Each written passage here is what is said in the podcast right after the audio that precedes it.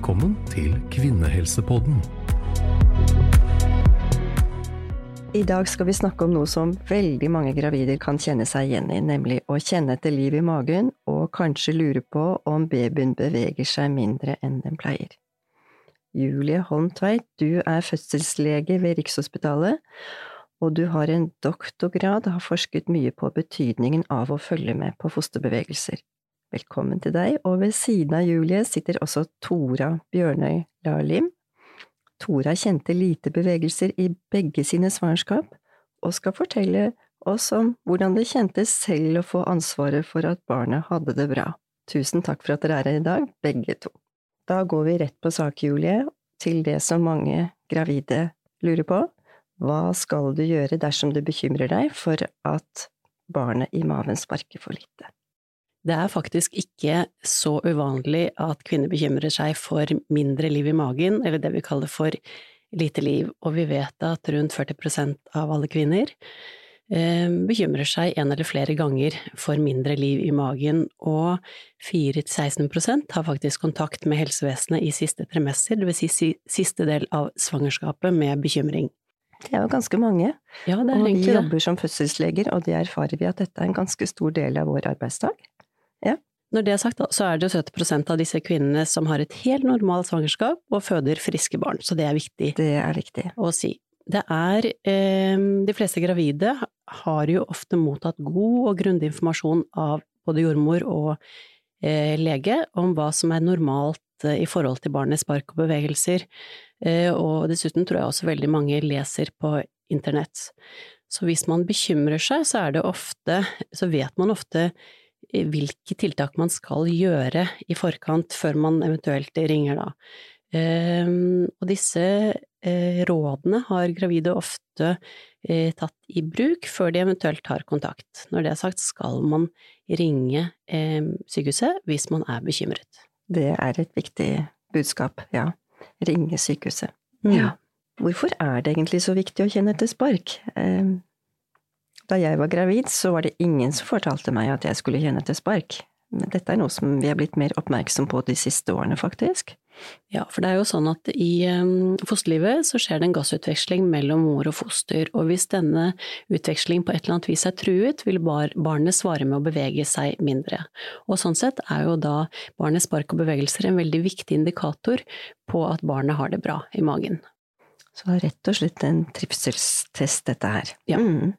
Og i verste fall, hvis barnet får altfor lite surstoff, så kan barnet dø, men det er heldigvis, vi kan vel si nesten ekstremt sjelden i Norge i dag. Det er det jo, og det er derfor det er viktig å være oppmerksom på akkurat dette med spark og bevegelser, fordi det er en viktig indikator eh, med tanke på at barnet har det bra, og også dette at mor da er flink til å være årvåken i forhold til barnets bevegelse, gjør at hun da tar kontakt, og man eventuelt da kan gjøre ytterligere bevegelser og gjøre ulike tiltak i forhold til akkurat de barna som har behov for det. For eksempel kan vi se på ultralyd og se på veksten, og vi kan se på blodstrømsmålinger, som vi kaller det, og vi kan eh, gjøre en vurdering av hvordan dette svangerskapet går. Ja, og eventuelt følge da kvinnen med ulike, hvis det er indikasjon for det, gjøre, følge med, med kontroller videre i svangerskapet. Det er viktig. Så hvor mange spark er egentlig normalt å ha? Det er nå sånn at det, eh, dette med spark og bevegelser er jo basert på mus, eh, mors eh, subjektive oppfatning av barnets bevegelser.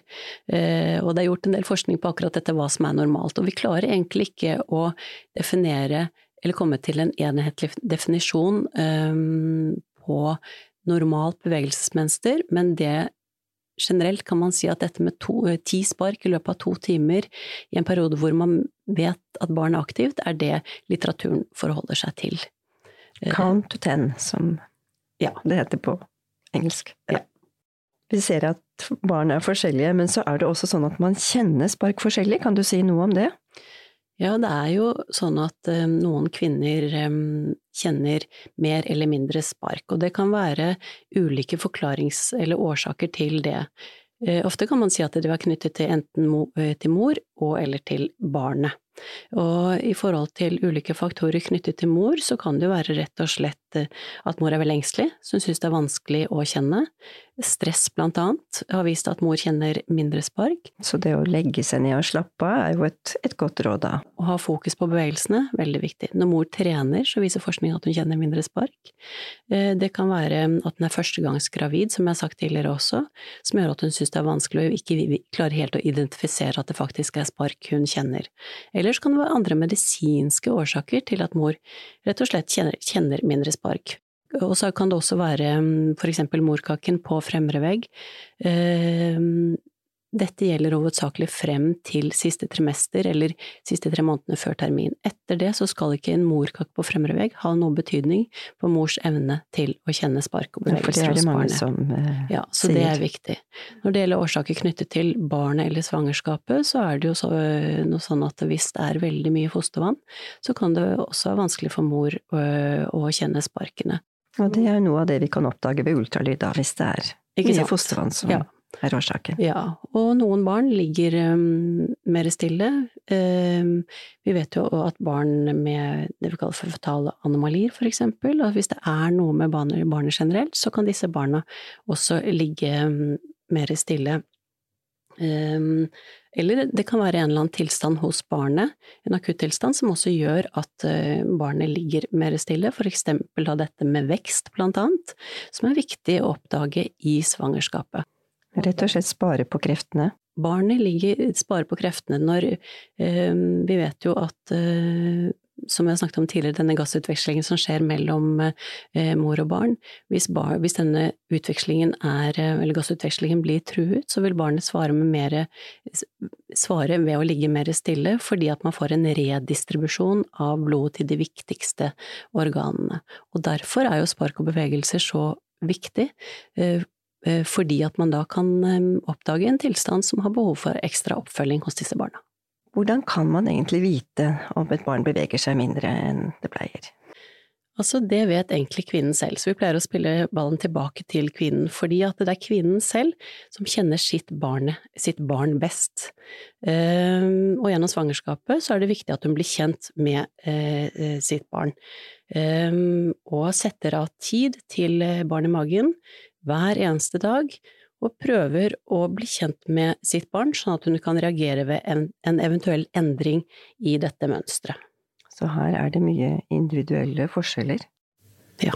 Når i svangerskapet kan man egentlig begynne å kjenne spark? Kan du si noe om det?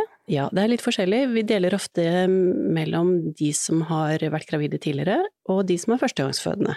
Det vil si, det eh, har sitt første svangerskap. Ofte så sier vi at Eh, man generelt, en førstegangsfødende kvinne, kjenner spark mellom svangerskapsuke 18 eh, og 20, og så sier man da at de som har vært gravide tidligere, ofte kan kjenne spark litt tidligere, rett og slett fordi de vet hva det betyr å kjenne spark. Det er viktig. Og når, fra når av skal man begynne å ta kontakt når man kjenner lite spark? Eh, generelt sett kan man si at man, eh, det er alltid lurt å høre med jordmor eller lege som man har kontakt med, eh, men generelt så sier vi at man kan ta kontakt med jordmor og lege før svangerskapsuke 24, men fra svangerskapsuke 24 så er det viktig at man da tar kontakt med sykehuset sitt. Så det er sykehuset man skal ringe? Kan du si noe om hvilke bevegelser man kjenner? Vi snakker om spark, er det bare spark, er det bena som sparker, hva er det man kjenner? Spark er på en måte overskriften, sånn at når man snakker om spark i magen, så snakker man jo om bevegelser. Og generelt sett så kan man, deler man da inn i det vi kaller for store bevegelser og små bevegelser. De store bevegelsene de kan kjennes godt av mor. Det er ekstremitetsbevegelsene som bøye, strekke og hikke. Um, og noen ganger kan man til og med se det utenpå magen. De små bevegelsene derimot, de er bevegelser vi kan se på ultralyd når vi gjør det, men de kan ikke mor kjenne, og det er det vi kaller for pustebevegelser eller respirasjonsbevegelser, at barnet suger på tommelen for eksempel og beveger fingre og tær. Så det er mye aktivitet der inne som man ikke alltid kjenner. Absolutt. Um, så er det sånn at det er litt forskjell på fra barn til barn. Um, kan man sammenligne det, kan ett barn være mer aktivt enn et annet? Ja, generelt sett så sier vi jo at det foreligger en inter- og en intra-individuell variasjon mellom barna, og det er litt sånn vanskelig begrep å skjønne egentlig, men det betyr at barn eh, i magen fra kvinne til kvinne beveger seg eh, ulikt, også fra svangerskap til svangerskap, og barna i i-magen har også en ulik rytme kan ha. Noen barn har et veldig etablert mønster, Eh, mens andre har et ulikt mønster. Og det kan jo selvfølgelig være utgangspunkt for at kvinnene kan bekymre seg. Sånn at det veldig mange kvinner leser mye på nettet, sammenligner seg med venninner og prater mye sammen. Så det at, eh, og, blir, og det er ofte utgangspunkt for at man da kan bekymre seg, fordi for eksempel sitt barn kan sparke mindre enn en venninnes barn i magen. Så det som igjen er viktig, er at man blir kjent med sitt barn og hva som er normalt for sitt barn. Og så er det jo også sånn at um, gjennom, um, i løpet av svangerskapet så vil bevegelsene endre seg litt, fordi at det, disse um, bevegelsene, disse store sparkene som man kjenner, det vi kaller for paradokse bevegelser, blir, går mer over mot sånn rulling etter hvert. Og grunnen til det er jo fordi at barnet blir litt større, så det får mindre plass, det er bitte litt mindre fostervann eh, mot slutten av svangerskapet, og så er sentralnervesystemet sånn at barnet er mer velutviklet, sånn at barnet rett og slett kan kontrollere bevegelsene sine i større grad. Og det er jo veldig mange gravide som sier akkurat det at eh, jeg syns eh, ikke barnet sparker mindre, jeg syns det bare er litt annerledes, og annerledes i den forstand at jeg syns det er mer sånn åling og rulling i forhold til disse sparkene som det var tidligere. Og det er helt um, riktig uh, oppfatning um, i forhold til uh, barnets bevegelser, egentlig. Det er viktig å være klar over, og kanskje spark er litt Vi bruker det litt feil, kanskje vi bare skulle sagt bevegelse, rett og slett. Ja. Mm. Men bare for å understreke, det blir ikke noe mindre spark mot termin, det bare blir litt annerledes. Så hvis en kvinne da kjenner lite bevegelser og ringer sykehuset, hva er det vi gjør på sykehuset? Kan du si noe om det? Når hun ringer, så kommer hun til å snakke da, med en veldig hyggelig jordmor i den andre enden, vil jeg tro, som gir henne gode råd og veiledning i forhold til hva hun kan gjøre. Og noen ganger er det sånn at um, hun får disse rådene som man uh, har uh, egentlig kan ganske godt etter hvert. Det å legge seg ned på siden, drikke noe kaldt og kjenne etter, og rett og slett ha fokus på bevegelsene. Ehm, hvis kvinnen allerede har gjort det, ehm, og hun syns fortsatt at hun er bekymret, eller hun fortsatt er bekymret for eh, mindre bevegelser, så får hun ehm, oftest beskjed om å komme til en sjekk. Vi skiller selvfølgelig vi skiller selvfølgelig mellom det å ikke kjenne spark og kjenne mindre spark, det er viktig. Ja, det er viktig. Ja, så hvis kvinnen ringer og sier at hun ikke har kjent spark, skal hun komme med en gang. Og hvis det er et eller annet med kvinnens, det vi kaller for risikoprofil, da, det vil si at det er noe medisinsk underliggende ved kvinnen hvor vi tenker at det er riktig og rett at hun kommer med en gang, så sier vi også at hun skal komme. Sånn at det, ofte får de da råd og veiledning, Uh, og da ringer man ofte tilbake i løpet av én til to timer og hører um, Eller kvinnen ringer tilbake, og hvis hun fortsatt er bekymret, så kommer hun til uh, sykehuset, og da blir hun møtt av en jordmor som gjør ulike undersøkelser, ser på helsekortet på gravide, ser om det er visse uh, medisinske eller det vi kaller for faktorer knyttet til hennes svangerskap som gjør at vi skal være ekstra oppmerksomme på, eh, på denne kvinnen. Eh, og da gjør vi ofte en sånn registrering, vi tar et blodtrykk, urinprøve, og så får hun en sånn registrering på magen, en sånn det vi kaller for sparketest. Egentlig. CTG er en også CTG. et medisinsk ord på det? Ja, ja. medisinsk ord. Og så vurderer man om hun også skal gjøre en ultralyd. Og så vil man da gjøre en oppfølging avhengig av de funnene man har gjort. Så her vil ikke alle blir tatt likt. Her en, blir man blir vurdert ut fra mange forskjellige ting, hvordan ja. man blir behandlet. Kvinner er jo ulike, og barn i magen er ulike, og derfor gjør man alltid eh, en eh, vurdering av den enkelte kvinne. Det er viktig, men det er lav terskel, og det er viktig å si at det er sykehus skal ta kontakt med, for vi ser noen ganger at man tar kontakt med legevakt og med jordmor øh, og fastlege, men akkurat når det gjelder lite liv, øh, Julie, da er det sykehuset som er kontakt. Veldig viktig. Og er man bekymret, så er det viktig å kontakte. Man skal aldri avvente. Hvis man er bekymret midt på natta, så ringer man midt på natta. Eh, og da får man, som sagt, av disse råd og tips eh, og veiledning, og blir bedt om å komme hvis man syns det er indikasjon for det, eller grunn til det. Enten med en gang, eller avvente lite grann. Men eh, det er viktig å alltid ta kontakt hvis man er bekymret. Heller en gang for mye enn en gang for lite. Og heldigvis er det sånn at de fleste drar hjem glade og fornøyde og godt beroliget over at dette har gått veldig fint. Ja. Jeg sa innledningsvis at du har forsket om dette. Du har faktisk også tatt en doktorgrad om bevegelser i maven. Kan du si litt om hva du fant i forskningen din? Ja, det vi gjorde i vår forskning var at vi var veldig nysgjerrige på hvilke kvinner som egentlig eh, bekymrer seg for mindre liv. Så vi ønsket å finne ut hvem er egentlig disse kvinnene, når kommer de, hvilken råd har de fått eh, i løpet av svangerskapet sitt, og hvor lenge venter de. Um, og det vi fant ut var egentlig at det, det var veldig ulike, altså disse kvinnene som var bekymret for mindre liv i svangerskapet, hadde veldig ulik atferd. De fikk ulik informasjon i forhold til dette med spark og bevegelser, og det var også ulikt hvor lenge de ventet. Så det vi da gjorde, var at vi lagde en folder eller brosjyre med enhetlig informasjon om, eh, om, spark og bevegelser, både i forhold til hva man tenker er normalt, visse tommelfingerregler i forhold til hvordan man skal forholde seg til hva som er normalt antall spark, spark versus hva man tenker er indikasjon for videre oppfølging. I tillegg så fikk de det vi kaller for et sånt sparkeskjema, som rett og slett bare var et supplement til kvinnene, hvor de kunne telle spark. Noen syntes det var et godt supplement, andre syntes teksten i seg selv var bedre å forholde seg til. Ja. Mm. Og kan du si noe om resultatene, hva dere fant ut? Vi fant ut at det ofte var de førstegangsfødende, de overvektige og, og røykende kvinner som tok kontakt med bekymring for mindre liv av ulik årsak. Vi, vi, fant at jo lenger du venter, jo høyere risiko har de for um, det vi kaller for uheldig utfall, da. Eh, rett og slett.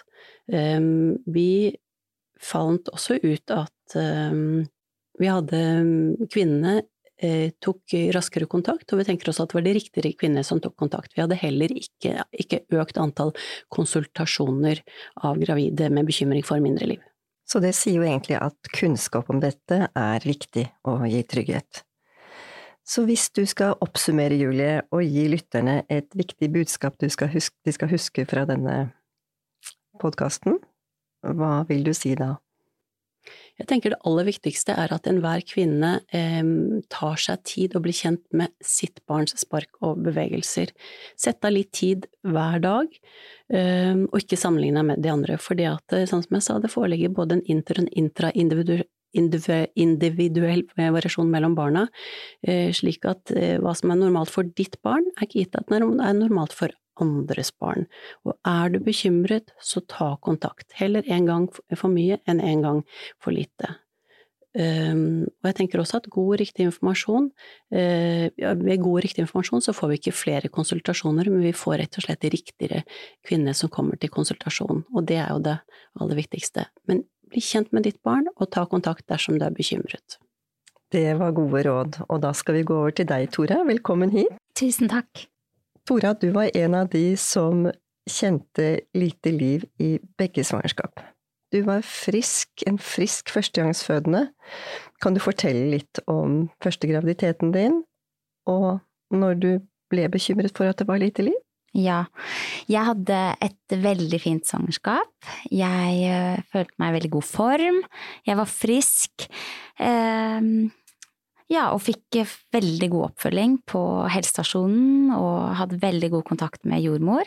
Så jeg følte meg jo veldig heldig. Og så kjenner jeg meg jo veldig igjen i det Julie er inne på, det med at man snakker med venninner og ja, at man sammenligner seg litt, da. Så det var jo først egentlig litt ute i svangerskapet, altså jeg var vel kanskje rundt eh, fem måneder på vei, kanskje, hvor jeg da begynte å kanskje skjønne litt da, eller at jeg fikk et bilde av at jeg kanskje hadde litt mindre bevegelser enn andre. Og det handlet jo da om på en måte erfaringsutveksling, da, at jeg kjente meg kanskje ikke igjen i helt ja, bildene andre gravide venninner av meg tegnet, på en måte, av bevegelser.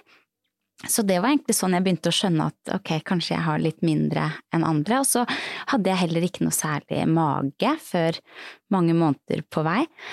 Um, ja, og da begynte jeg å diskutere litt med jordmor, da. Um, var du bekymret i utgangspunktet? Nei, ikke i det hele tatt. Sånn at det var jo egentlig litt når man først begynner å snakke om det med andre, at jeg tenkte sånn ok. Um, ja, nei, så jeg kjente ikke på noe sånn veldig, eh, veldig bekymring, eh, egentlig. Så um, ja. Mm. Men så ble du bekymret en gang, kan du fortelle litt om det? Ja, jeg hadde, eh, jeg hadde en gang hvor jeg, jeg sklei på isen, eh, og da fikk jeg en sånn Ok, det var lite liv i utgangspunktet, eller sånn lite bevegelser, da, må vi jo si.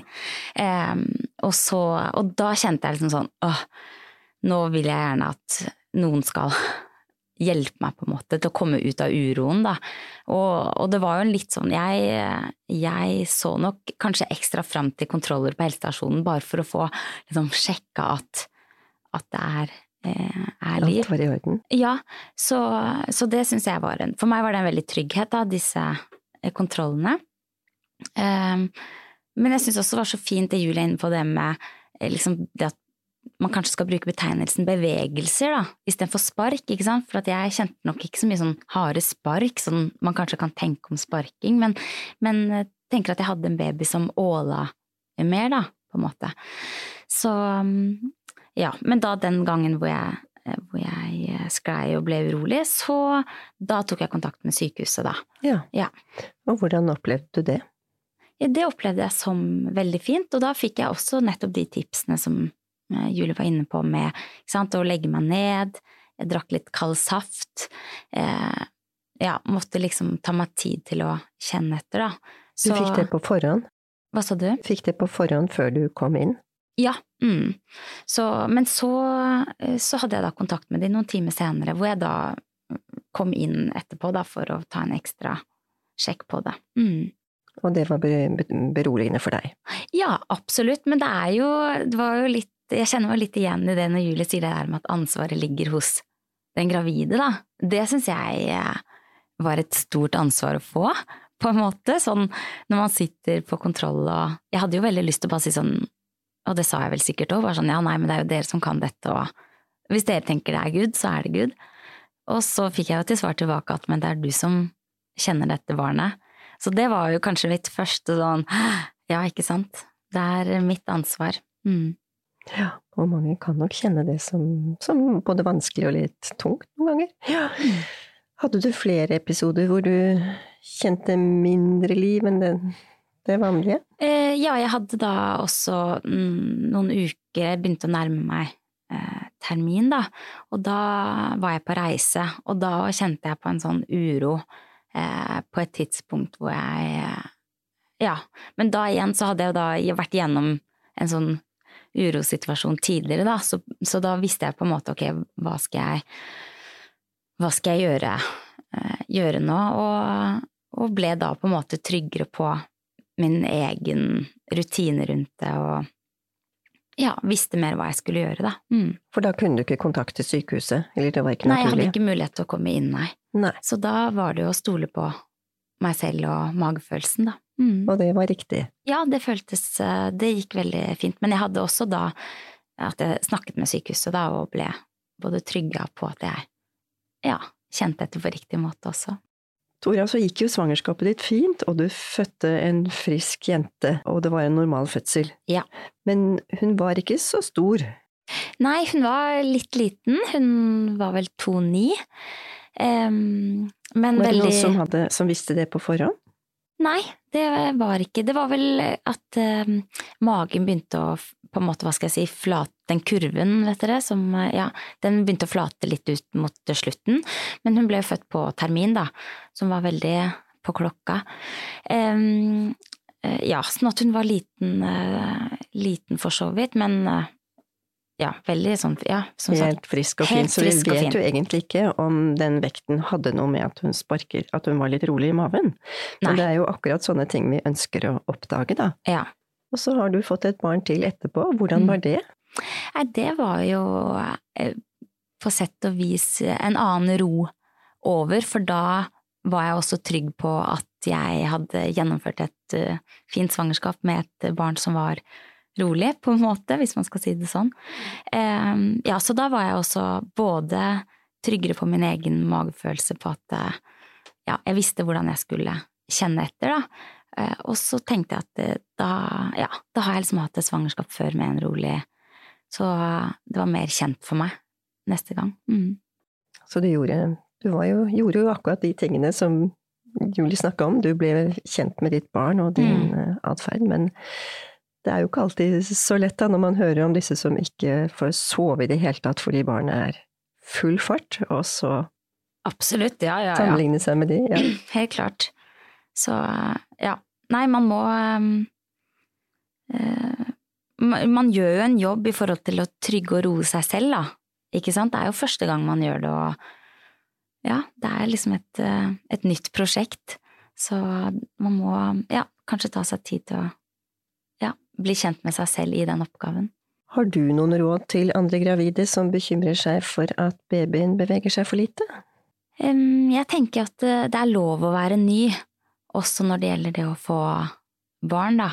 Så ja, snakk med jordmor på helsestasjonen, ta kontakt med sykehuset, eh, finn noen å drøfte det Eh, drøfte det med hvis man kjenner på en uro. Også vit at det, det, finnes mange som har gått gjennom svangerskap med lite bevegelser, og det har kommet mange fine og ja, friske barn ut av eh, svangerskap med lite bevegelse også. Mm. Det er veldig viktig. Julie, har du noe å kommentere? Har du noe å si til Toras historie? Nei, jeg syns den er veldig um, gjenkjennbar i forhold til også de vi snakker med når de kommer til oss på sykehuset. Uh, jeg tenker at sånn som du sier, det er lov å være ny, det er lov å stille spørsmål, det er lov å ta kontakt, og ikke minst det, og ta, ta, kontakt hvis man er bekymret, da. Uh, det viktigste er jo å bli kjent med sitt barn, ikke sant, og reagere hvis man syns det er endringer i forhold til eh, dets eh, spark og bevegelser, og det er bare du som vet, som mm. gravid. Da. Det er du som kjenner barnet ditt best. Det kan virke som et veldig stort ansvar, selvfølgelig, men um, derfor skal vi hjelpe de gravide på vei, da, og gi de god og, gode råd og enhetlig informasjon og sånne ting. Men når alt kommer til alt, så er det den gravide da, som mm. sitter igjen med ansvaret for, eh, for, å det vi kaller for monitorere eller passe på at sitt barn eh, beveger seg inni magen. Men så skal vi være til hjelp på sidelinjen, da. Eh, og trå til når, mm. når, man er bekymret. Det er kjempeviktig. Og igjen, da, er man bekymret, tar man kontakt. Og det er på en måte dette etablerte sparkemønsteret og endringer i forhold til det, som er utrolig viktig å gjøre mm, tiltak i forhold til.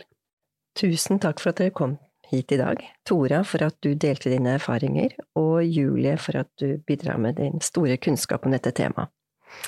Så hvis dere vil vite noe mer, så finnes det jo mye informasjon, og det vet sikkert mange.